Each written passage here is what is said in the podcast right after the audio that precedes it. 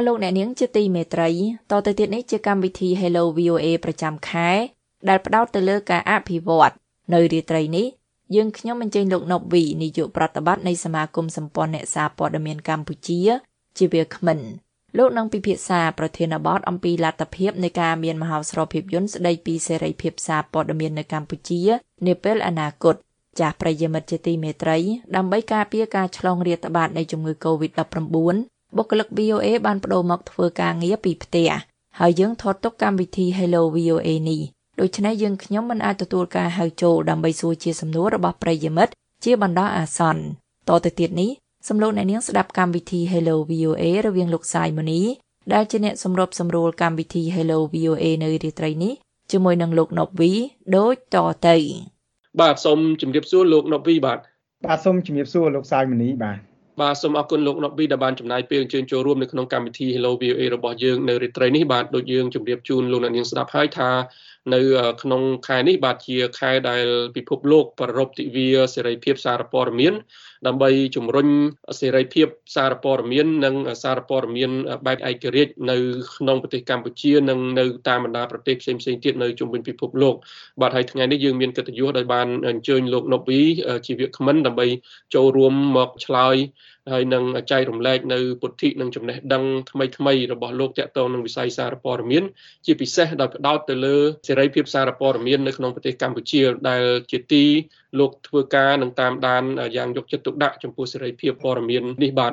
កុំឲ្យខាតពេលយូរលោកវីលោកអាចជម្រាបជូនលោកអ្នកស្ដាប់យើងត្រួសត្រាសបន្តិចបានទេថានៅក្នុងប្រទេសកម្ពុជាយើងកន្លងមកយើងតែងតែឮនឹងឃើញមានការប្ររពមហោស្រព ភាពយន្តជាទូទៅប៉ុន្តែយើងដូចជាមិនដែលឃើញសោះការប្ររពមហោស្រពភាពយន្តដោយផ្ដោតទៅលើសេរីភាពសារព័ត៌មានជាពិសេសសេរីភាពសារព័ត៌មាននេះត្រូវបានយកចិត្តទុកដាក់ពីសំណាក់សង្គមទាំងមូលរួមរហូតទៅដល់ថ្នាក់ដឹកនាំបាទដោយដែលលោកបានជ្រាបហើយថាលោកនាយករដ្ឋមន្ត្រីហ៊ុនសែននៅឆ្នាំនេះក៏បានចាត់ទុកសារព័ត៌មានជាដៃគូដែលលោកប្រើពាក្យថាមិនអាចខ្វះបាននៅក្នុងសង្គមនៅក្នុងការអភិវឌ្ឍប្រទេស តើហេតុអីបានជាកម្ពុជាមិនទាន់មានមហោស្រពមួយដែលផ្ដោតសំខាន់ទៅលើសេរីភាពសារព័ត៌មាននេះលោកវីបាទ អរគុណលោកសាយមនីសូមជម្រាបសួរជាថ្មីទៀតដល់ប្រជាពលរដ្ឋដែលជាអ្នកនិយមតាមដានស្ដាប់ VOA ក៏ដូចជាតាមដានទស្សនា ជារួមដូចលោកក៏ដូចជាបងប្អូនប្រជាពលរដ្ឋលោកបានជ្រាបហើយថាតកតងប្រធានបទរឿងទិវាសេរីភាពសារព័ត៌មាននេះគឺជាប្រធានបទមួយដែលមានលក្ខណៈរសើបហើយនៅក្នុងសកម្មភាពទាំងឡាយណា ដែលចូលរួមនៅក្នុងការផ្សព្វផ្សាយការតស៊ូមតិដើម្បីជំរុញឲ្យមានភាពប្រសើរឡើងនៅក្នុងផ្នែកវិស័យសាព័ត៌មានក៏ដូចជាសេរីភាពហើយនឹងទួនាទីរបស់អ្នកសាព័ត៌មានឯករាជ្យប្រព័ន្ធផ្សព្វផ្សាយឯករាជ្យនៅក្នុងប្រទេសកម្ពុជាយើងនេះជានិច្ចកាលគឺតែងតែទទួលនៅការលៀបពណ៌ក៏ដូចជាការចោតប្រកាន់ពីសំណាក់មន្ត្រីរដ្ឋាភិបាលថាបានមើលតែមួយជំហៀងមើលតែមួយផ្នែកហើយមិនបានបង្ហាញឲ្យឃើញអំពីសកម្មភាពក៏ដូចជាការប្រឹងប្រែងរបស់រដ្ឋាភិបាលអីចឹងជាដើមអញ្ចឹងហើយបាននៅក្នុងសកម្មភាពនឹងផ្នែកខ្លះនៃការធ្វើយុទ្ធនាការរបស់អង្គការសង្គមស៊ីវិលដូចជានៅថ្ងៃទី3ខែឧសភានេះទៀតសោតចំពេលទិវាសេរីភាពសារព័ត៌មានពិភពលោកនេះគឺយើងមានការធ្វើយុទ្ធនាការដើម្បីឲ្យមានការចូលរួមបំផុសបំផុលអំពីការបង្ហាញពីទួនាទីដ៏សំខាន់ចាំបាច់របស់អ្នកសារព័ត៌មានឯករាជ្យហើយនិងទួនាទីសំខាន់នៅក្នុងការផ្ដល់ព័ត៌មានជូនទៅដល់ប្រជាពលរដ្ឋខ្ញុំយល់ឃើញថានៅចំពោះបងប្អូនឬមួយក៏ម្ចាស់ដែលផលិតខ្សែភាពយន្តនិងខ្សែវីដេអូអីចឹងជាដើមហ្នឹងគឺពួកគាត់ជានិច្ចកាលតែងតែស្វែងរកកិច្ចសហប្រតិបត្តិការពីសំណាក់រដ្ឋាភិបាលដើម្បីធានាថាខ្សែភាពយន្តដែលពួកគាត់បានផលិតហ្នឹងគឺអាចនឹងផ្សព្វផ្សាយអាចនឹងធ្វើការចាក់បញ្ចាំងបានដូច្នេះហើយខ្ញុំជឿថាពួកគាត់អាចនឹងមានការព្រួយបារម្ភថាបើសិនជាការធ្វើពិព័រណ៍ភាពយន្តដោយលើកចំពេលដែលការអបអរសាទរទិវាសេរីភាពសារព័ត៌មានពិភពលោកអីនេះជាដើមនេះគឺវាមិនបង្ហាញអំពីរូបភាពមួយល្អប្រមាណទេសម្រាប់ការងាររបស់ពួកគាត់បាទបាទ ដោយដែលលោកបានជ្រាបហើយថាសេរីភាពសារព័ត៌មាននេះត្រូវបានផ្ដល់តម្លៃធំណាស់នៅក្នុងប្រទេសដែលប្រកាន់លទ្ធិប្រជាធិបតេយ្យពលជាប្រទេសដែលឲ្យតម្លៃទៅលើសេរីភាពពលរដ្ឋជាពិសេសគឺសារព័ត៌មានដែលដើរតួនាទីឃ្លាំមើលការអនុវត្តរបស់រដ្ឋាភិបាលឯជាដើមប៉ុន្តែនៅក្នុងប្រទេសកម្ពុជាសម្រាប់រូបលោកដែលធ្វើការងារខាងវិស័យសារព័ត៌មានហ្នឹងលោកយល់ថាកម្ពុជានៅក្នុងអំឡុងពេលបន្ទាប់ទៅមុខទៀតនេះបាទ គួរតែមានទេការផ្ដោតទៅលើមហោស្រព ណាការបញ្ចាំងភាពយន្តបាទដោយដោយផ្ដោតទៅលើសារព័ត៌មានពីព្រោះសារព័ត៌មាននេះដែលគ្រប់គ្នាគិតថាមានសារៈសំខាន់ហ្នឹងប៉ុន្តែនៅតាមកញ្ចក់ទូរទស្សន៍ទាំងរដ្ឋឬឯកជននេះហាក់ដូចជាមិនបានឆ្លោះបញ្ចាំងឲ្យបានទូលំទូលាយអំពីសារៈសំខាន់នៃសារព័ត៌មានហ្នឹងប៉ុន្តែសម្បូរតែរឿងភាគសម្បូរតែរឿងអីវិញសម្រាប់លោកលោកតើកម្ពុជាគួរតែចាប់ផ្ដើមគិតគូរពីមហោស្រពភាពយន្តដែលផ្ដោតទៅលើសេរីភាពសារព័ត៌មានហ្នឹងទេបាទ អឺវាជារឿងចាំបាច់ណាស់លោកសាយមនីដោយសារតែយើងដឹងហើយថាខ្សែភាពយន្តនេះគឺតាក់ទាញឲ្យមានការចាប់អារម្មណ៍ពីសាធារណជនទូទៅច្រើនណាស់នៅក្នុងប្រទេសនីមួយៗហើយជាពិសេសគឺនៅក្នុងបណ្ដាប្រទេសដែលប្រជាពលរដ្ឋនៅមានកម្រិតនៃការអប់រំតិចតួចនៅឡើយហើយនឹងការយល់ដឹងតិចតួចនៅឡើយអំពីសារៈសំខាន់ភាពចាំបាច់នៃព័ត៌មានក៏ដូចជាទួនាទីរបស់អ្នកសារព័ត៌មានដើម្បីលើកកម្ពស់ការយល់ដឹងហើយនឹងលើកកម្ពស់ប្រជាធិបតេយ្យនៅក្នុងសង្គមអីចឹងជាដើមយ៉ាងណាមិញដើម្បីធានាដើម្បីលើកទឹកចិត្តឲ្យមានការចូលរួមខ្ញុំយល់ឃើញថាវាលុះត្រាតែមន្ត្រីរាជរដ្ឋាភិបាលលោកយល់ឃើញថា នៅក្នុងស្ថានភាពនៃការអនុវត្តវិស័យសារព័ត៌មានក៏ដូចជា ស្ថានភាពនៃការធ្វើទុកបុកម្នេញទៅលើអ្នកសារព័ត៌មានឯករាជ្យអ្នកសារព័ត៌មានវិជ្ជាជីវៈនៅក្នុងប្រទេសនេះគឺនៅមានចំណុចដែលគួរតែមានការយកចិត្តទុកដាក់មានន័យថាអ្នកសារព័ត៌មានឯករាជ្យនៅទទួលរងនឹងការធ្វើទុកបុកម្នេញនៅមានការផ្ដង់ផ្ដល់ចោតប្រកាន់ប្រឆាំងជាមួយនឹងអ្នកសារព័ត៌មានឯករាជ្យនៅឡើយនៅពេលដែលពួកគាត់មានការទទួលស្គាល់ដូច្នេះពួកគាត់នឹងចាប់ផ្ដើមចូលចូលរួមហើយចាប់ផ្ដើមធ្វើយុទ្ធនាការជាមួយនឹងអង្គការមិនមែនរដ្ឋាភិបាលជាមួយសមាគមអ្នកសារព័ត៌មាន ហើយបើសិនជាពួកគាត់ចូលរួមសស័កសស្រាំពួកគាត់អាចមានលទ្ធភាព មានអធិបុលមានអំណាចច្រើននៅក្នុងការគៀងគោឲ្យមានសម្លេង ហើយគៀងគោទៅដល់ប្រព័ន្ធផ្សព្វផ្សាយធំធំដូចលោកបានលើកឡើងបាញ់មិញនេះចឹង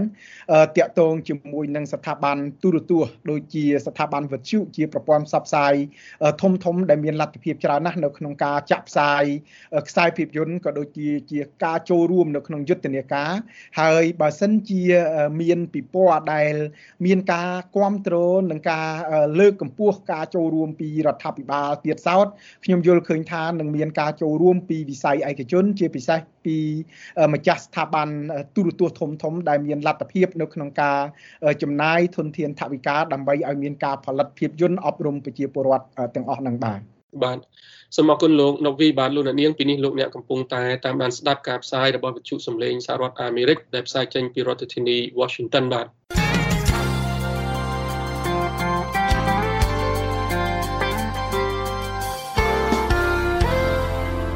ពេលនេះយើងកំពុងតែជជែកជាមួយលោកដុកវីជានាយកប្រតិបត្តិនៃសមាគមអ្នកកាសែតថ្មីមួយបាទដែលយើងហៅកាត់ឲ្យស្រួលចាំបាទថាកម្ពុជាជាសមាគមបណ្ដុំអ្នកកាសែតឯករាជ្យដែលធ្វើការ ផ្ដោតសំខាន់ទៅលើការលើកកម្ពស់សេរីភាពអ្នកសារព័ត៌មាននៅក្នុងប្រទេសកម្ពុជាបាទបើលោកអ្នកនាង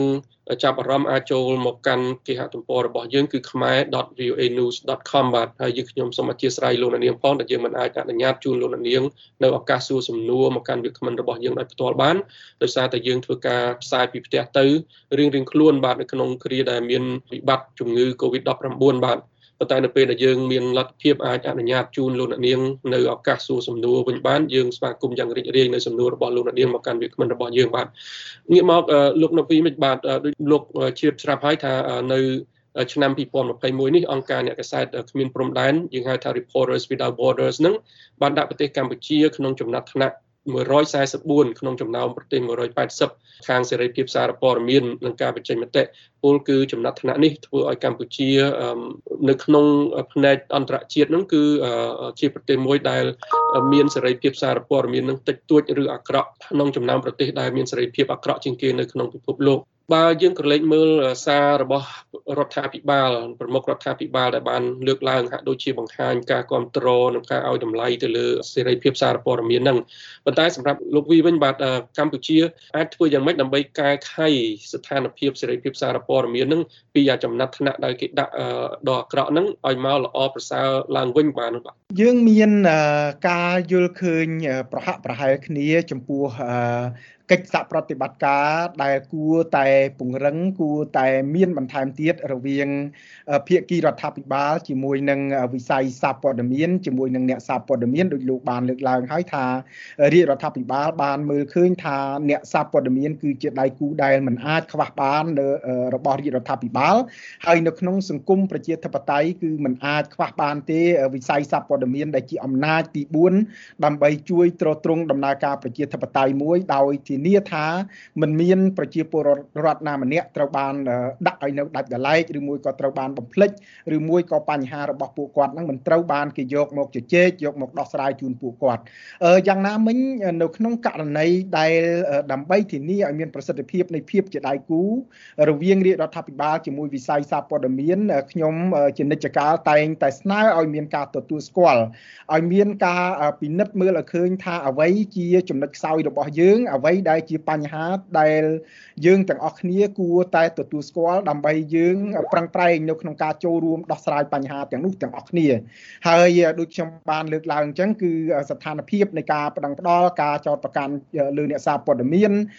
ការវាយដំលើអ្នកសារព័ត៌មាននិទានភាពដែលអ្នកដែលវាយដំលើអ្នកសារព័ត៌មានមិនត្រូវបានចាប់ខ្លួនយកមកផ្ដន់ទាទោសទៅតាមផ្លូវច្បាប់ក៏ដូចជា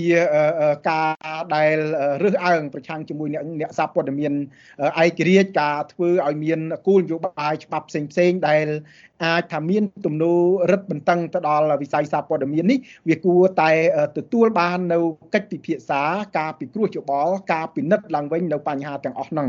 ដើម្បីឲ្យមានការពិនិត្យឡើងវិញលុះត្រាតែយើងទាំងអស់គ្នាយើងទទួលស្គាល់ថាតើគោលនយោបាយច្បាប់ទាំងអស់ហ្នឹងពិតជា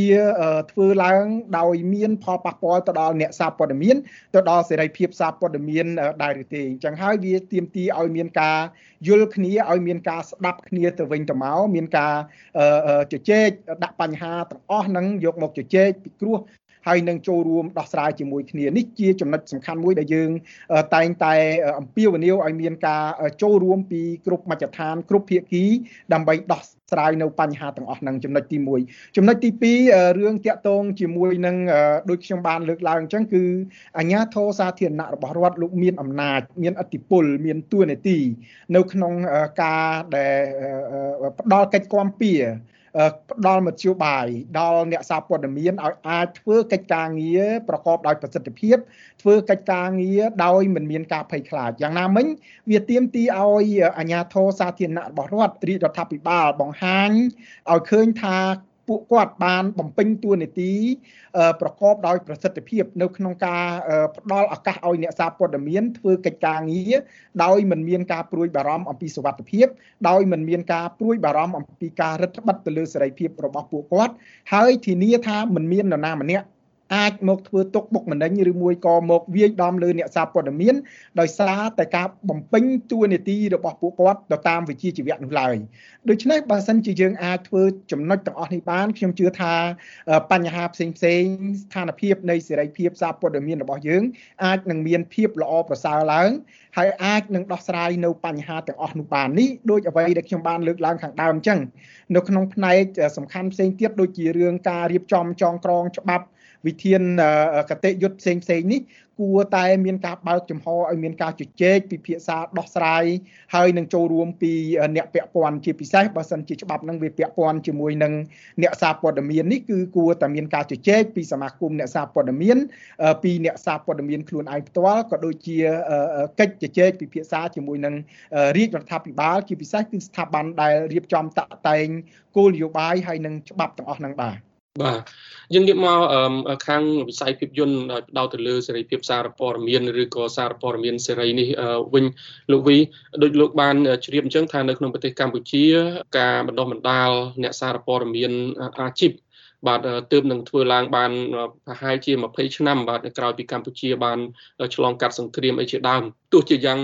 នេះក្តីគឺថាអ្នកដែលបានទទួលការបណ្ដុះបណ្ដាលត្រឹមត្រូវនៅតាមសាលារៀនផ្នែកវិជ្ជាជីវៈសារព័ត៌មានហ្នឹងនៅមានចំនួនតិចតួចហើយអ្នកដែលចេញពីសាលាមក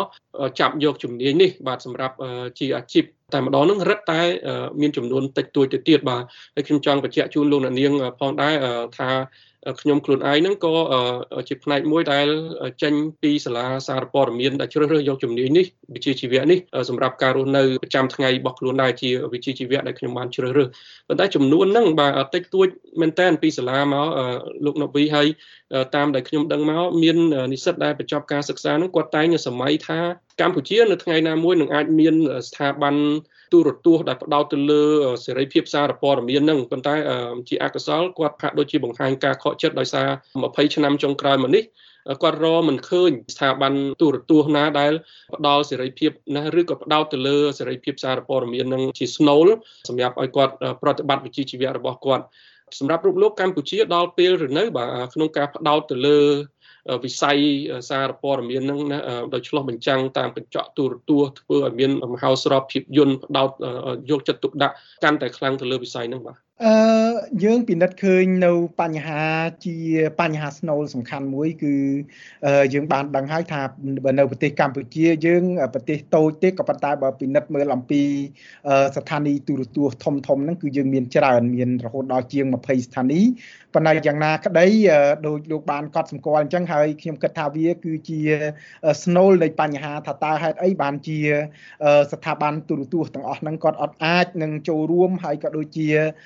ធ្វើការផ្សព្វផ្សាយឲ្យបានទូលំទូលាយដើម្បីធ្វើឲ្យវិស័យសារព័ត៌មាននៅក្នុងប្រទេសកម្ពុជាយើងមានការរីកធំធាត់ហើយនឹងមានភាពប្រសើរឡើង ជាងបណ្ដាប្រទេសអាស៊ានទាំងអស់រឿងចំណុចសំខាន់គឺដោយសារតែស្ថាប័នទូរទស្សន៍ទាំងអស់ហ្នឹងគឺស្ថិតនៅក្រោមការគ្រប់គ្រងរបស់រាជរដ្ឋាភិបាលហើយជាពិសេសទៅទៀតនោះគឺមានស្ថានីយ៍ទូរទស្សន៍ភាគច្រើនក៏បានស្ថិតនៅក្រោមការគ្រប់គ្រងបើទោះបីជាវិស័យឯកជនក៏ប៉ុន្តែយ៉ាងណាក្តីយើងឃើញថាម្ចាស់ស្ថានីយ៍ឬក៏ម្ចាស់ក្រុមហ៊ុនឯកជនទាំងអស់ហ្នឹងគឺគាត់មានជាប់ពាក់ព័ន្ធជាមួយនឹងមន្ត្រីរាជរដ្ឋាភិបាលក៏ដូចជា សមាជិកព្រឹទ្ធសភាអីចឹងជាដើមជាចំណុចដែលធ្វើឲ្យយើងពិនិត្យឃើញថាវាជាបញ្ហាដែលមិនអាចធ្វើឲ្យស្ថាប័នទូរទស្សន៍ធំធំទាំងអស់ហ្នឹងគឺចូលរួមនៅក្នុងការបង្ហាញអំពីចំណុចអវិជ្ជមានឬមួយក៏ចំណុចខ្សោយដែលរាជរដ្ឋាភិបាលជានិច្ចកាលតែងតែធ្វើការបដិសេធថាมันមានបញ្ហាទាំងអស់នឹងកើតឡើងទេនេះគឺជាចំណុចមួយសំខាន់ហើយបើសិនជាយើងសួរថាតើវាគួរទៅដល់ពេលហើយឬមួយក៏ធ្វើដូចម្ដេចដើម្បីធានាថាស្ថាប័នពួកគាត់នឹងគឺចូលរួម នៅក្នុងការផ្សព្វផ្សាយក៏ដូចជាអាចថាចូលរួមរៀបចំឲ្យមានជាវេទិការៀបចំឲ្យមាន ជាពិព័រណ៍ភាពយន្តនៅចំថ្ងៃ3ខែឧសភាហ្នឹងខ្ញុំគិតថាវាមានការពិបាកវាមានការពិបាកនៅក្នុងការឲ្យពួកគាត់ហ្នឹងគឺចូលរួមឬមួយក៏ អាចនិយាយបានថាហ៊ានប្រថុយប្រឋានឬមួយប្រឈមជាមួយនឹងអាជ្ញាធរសាធារណៈនៅក្នុងការមកចូលរួមនៅក្នុងការរៀបចំឲ្យមានយុទ្ធនាការដើម្បីអបអរឬមួយក៏ធ្វើឲ្យមានភាពប្រសើរឡើងនៅក្នុងវិស័យសារព័ត៌មាននៅក្នុងប្រទេសកម្ពុជាយើង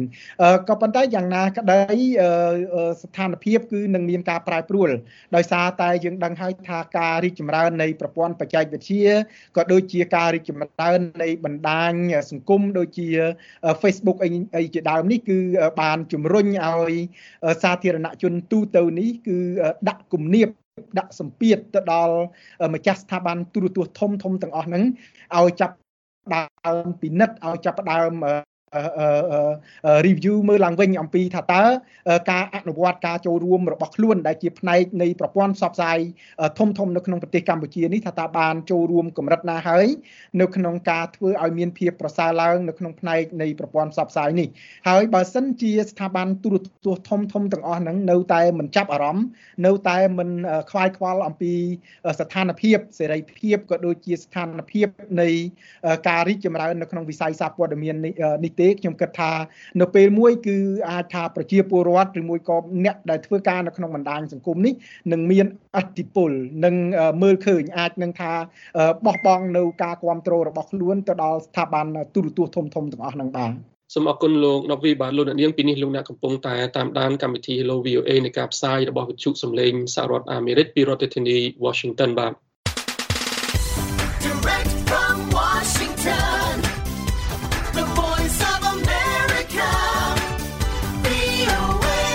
បាទពេលនេះយើងកំពុងតែជជែកពិភាក្សាគ្នាអំពីលទ្ធភាពដែលកម្ពុជាអាចនឹងមានមហោស្រពភាពយន្តដែលផ្ដោតទៅលើសេរីភាពសារព័ត៌មាននៅពេលណាមួយបាទដែលមានលោកណូវីជានាយកប្រតិបត្តិនៃអង្គការ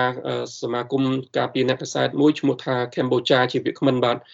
លោកវីដោយសារតែម៉ោងយើងកាន់តែគៀកមកដល់ទៅហើយសំណួរខ្ញុំចុងក្រោយសម្រាប់រូបលោកបាទមើលទៅកម្ពុជាសម្រាប់លទ្ធភាពក្នុងការរៀបចំឲ្យមានមហោស្រពភាពយន្ត ដោយផ្ដោតទៅលើសេរីភាពសារព័ត៌មានឬក៏សារព័ត៌មានសេរីនៅក្នុងប្រទេសហ្នឹងមានកម្រិតណាហើយតាមដែលលោកអាចវិភាគបានហើយមើលទៅកម្ពុជាអាចនឹងរៀបចំឲ្យមានមហោស្រពបែបហ្នឹងក្នុងពេលខាងមុខបានទេបាទ អឺយើងមានការពិបាកនៅក្នុងការពិនិត្យមើលក៏ដូចជាការនិយាយឲ្យឲ្យច្បាស់ថាយើងមានលទ្ធភាពនៅក្នុងស្ថានភាពនៅពេល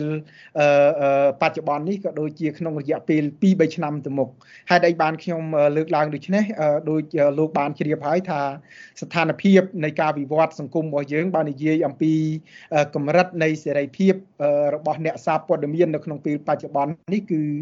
យើងមានស្ថានភាពមួយដែលមិនប្រសើរជាងទេបើសិនជាយើងប្រៀបធៀប កាលពីកំឡុងឆ្នាំ2016កន្លងមកហើយបើសិនជាយើងពិនិត្យមើលនៅក្នុងឆ្នាំ2016មុនឆ្នាំ2016ក៏យើងពិនិត្យឃើញថាមានការពិបាកនៅក្នុងការតាក់ទាញពិបាកនៅក្នុងការបញ្ចុះបញ្ចូលពិបាកនៅក្នុងការអញ្ជើញឲ្យម្ចាស់ស្ថាប័នទូរទស្សន៍ធំធំឬមួយក៏អ្នកផលិតខ្សែភាពយន្តធំធំចូលរួមនៅក្នុងយុទ្ធនាការក៏ដូចជាចូលរួមនៅក្នុងការធ្វើឲ្យមានពិព័រណ៍ដើម្បីដើម្បីលើកកម្ពស់នៅស្ថានភាពសេរីភាពសារព័ត៌មានដែលពួកគាត់ក៏ជាផ្នែកមួយនៃប្រព័ន្ធផ្សព្វផ្សាយដែលជាការចាប់អារម្មណ៍របស់សាធារណជនទូទៅនឹងអញ្ចឹងហើយបើសិនជាយើងពិនិត្យនៅក្នុងស្ថានភាពបច្ចុប្បន្ននេះខ្ញុំជឿថាมันមានភាពងាយស្រួលទេនៅក្នុងការដែលអញ្ជើញពួកគាត់ឲ្យមកចូលរួមនៅក្នុងការធ្វើយុទ្ធនាការដោយអ្វីដែលលោកបានលើកឡើងហ្នឹងហើយខ្ញុំសង្ឃឹមថានៅក្នុងពេលណាមួយ បើសិនជាមានការប្រែប្រួលត្រឡប់មកកាន់ស្ថានភាពមួយកាន់តែល្អឡើងវិញនៅក្នុងស្ថានភាពនៃសេរីភាពសារព័ត៌មានខ្ញុំជឿថាពួកគាត់នឹងមានសេរីភាព ជាងក្នុងពេលបច្ចុប្បន្នដើម្បីចូលរួមនៅក្នុងយុទ្ធនាការដែលរៀបចំឡើងដោយអ្នកសារព័ត៌មានដែលរៀបចំឡើងដោយប្រព័ន្ធផ្សព្វផ្សាយឬក៏រៀបចំឡើងដោយអង្គការសមាគមមិនមែនរដ្ឋាភិបាលនៅក្នុងប្រទេសកម្ពុជាយើងអឺមួយចំណុចទៀតខ្ញុំក៏មានការកត់សម្គាល់ដែរថានៅក្នុងឆ្នាំនេះបើពិនិត្យមើលនៅតាមរយៈបណ្ដាញសង្គមយើងឃើញថាមានការចូលរួមសស័កសស្រាមច្រើនពីអ្នកសារព័ត៌មានទោះបីជាបងប្អូនអ្នកសារព័ត៌មានដែលបម្រើការងារឲ្យស្ថាប័នទូរទស្សន៍ឲ្យស្ថាប័នវិទ្យុឲ្យស្ថាប័នកសែតក៏ដូចជាប្រព័ន្ធបណ្ដាញសង្គមហើយនឹងគេហទំព័រអីចឹងជាដើមខ្ញុំបានមើលឃើញមានការចូលរួមពីមន្ត្រីរាជរដ្ឋាភិបាលពីសាស្ត្រាចារ្យអ្នកសារព័ត៌មានក៏ដូចជាពីនិស្សិតនៅតាមសាកលវិទ្យាល័យសារព័ត៌មានអឺតាមរយៈការចូលរួមទាំងអស់នេះខ្ញុំសង្ឃឹមថាឆ្នាំក្រោយៗ នឹងទាក់ទាញឲ្យមានការចូលរួមពីម្ចាស់ស្ថាប័នប្រព័ន្ធផ្សព្វផ្សាយហើយខ្ញុំក៏សង្ឃឹមដែរថាម្ចាស់ស្ថានីយទូរទស្សន៍ធំធំទាំងអស់នឹងចូលរួមជាមួយយើងដើម្បីយើងនិយាយអំពីស្ថានភាពនៃសេរីភាពសារព័ត៌មានដើម្បីយើងធ្វើកិច្ចការងាររួមគ្នាធ្វើឲ្យស្ថានភាពនៃកិច្ចការងាររបស់អ្នកសារព័ត៌មាននិងស្ថានភាពសារព័ត៌មាននៅក្នុងប្រទេសកម្ពុជាយើងបានល្អប្រសើរឡើងវិញបាទ សូមអរគុណច្រើនមែនទែនលោកណូវីបាទដោយសារតែពេលវេលាយើងដល់ទៅហើយដូច្នេះខ្ញុំសូមបញ្ចប់កម្មវិធី Hello VOA របស់យើងទៅត្រឹមនេះនិងសូមអរគុណលោកណូវីនិងលោកអ្នកនាងដែលបានចូលរួមចែកជាចំណេះដឹងនិងតាមដានស្ដាប់តាំងពីដើមរហូតមកបាទបើលោកអ្នកនាងខកខានឬក៏ចង់ស្ដាប់ឡើងវិញសូមចូលទៅកាន់គេហទំព័ររបស់យើងគឺ khmer.voanews.com បាទសម្រាប់ពេលនេះខ្ញុំសាយមនីអ្នកសម្របសម្រួលកម្មវិធី Hello VOA នៅរាត្រីនេះសូមអរគុណលោកណូវីនិងលោកអ្នកនាងទៅត្រឹមនេះបាទសូមជម្រាបលាបាទបាទសូមជម្រាបលាលោកសាយមនីបាទ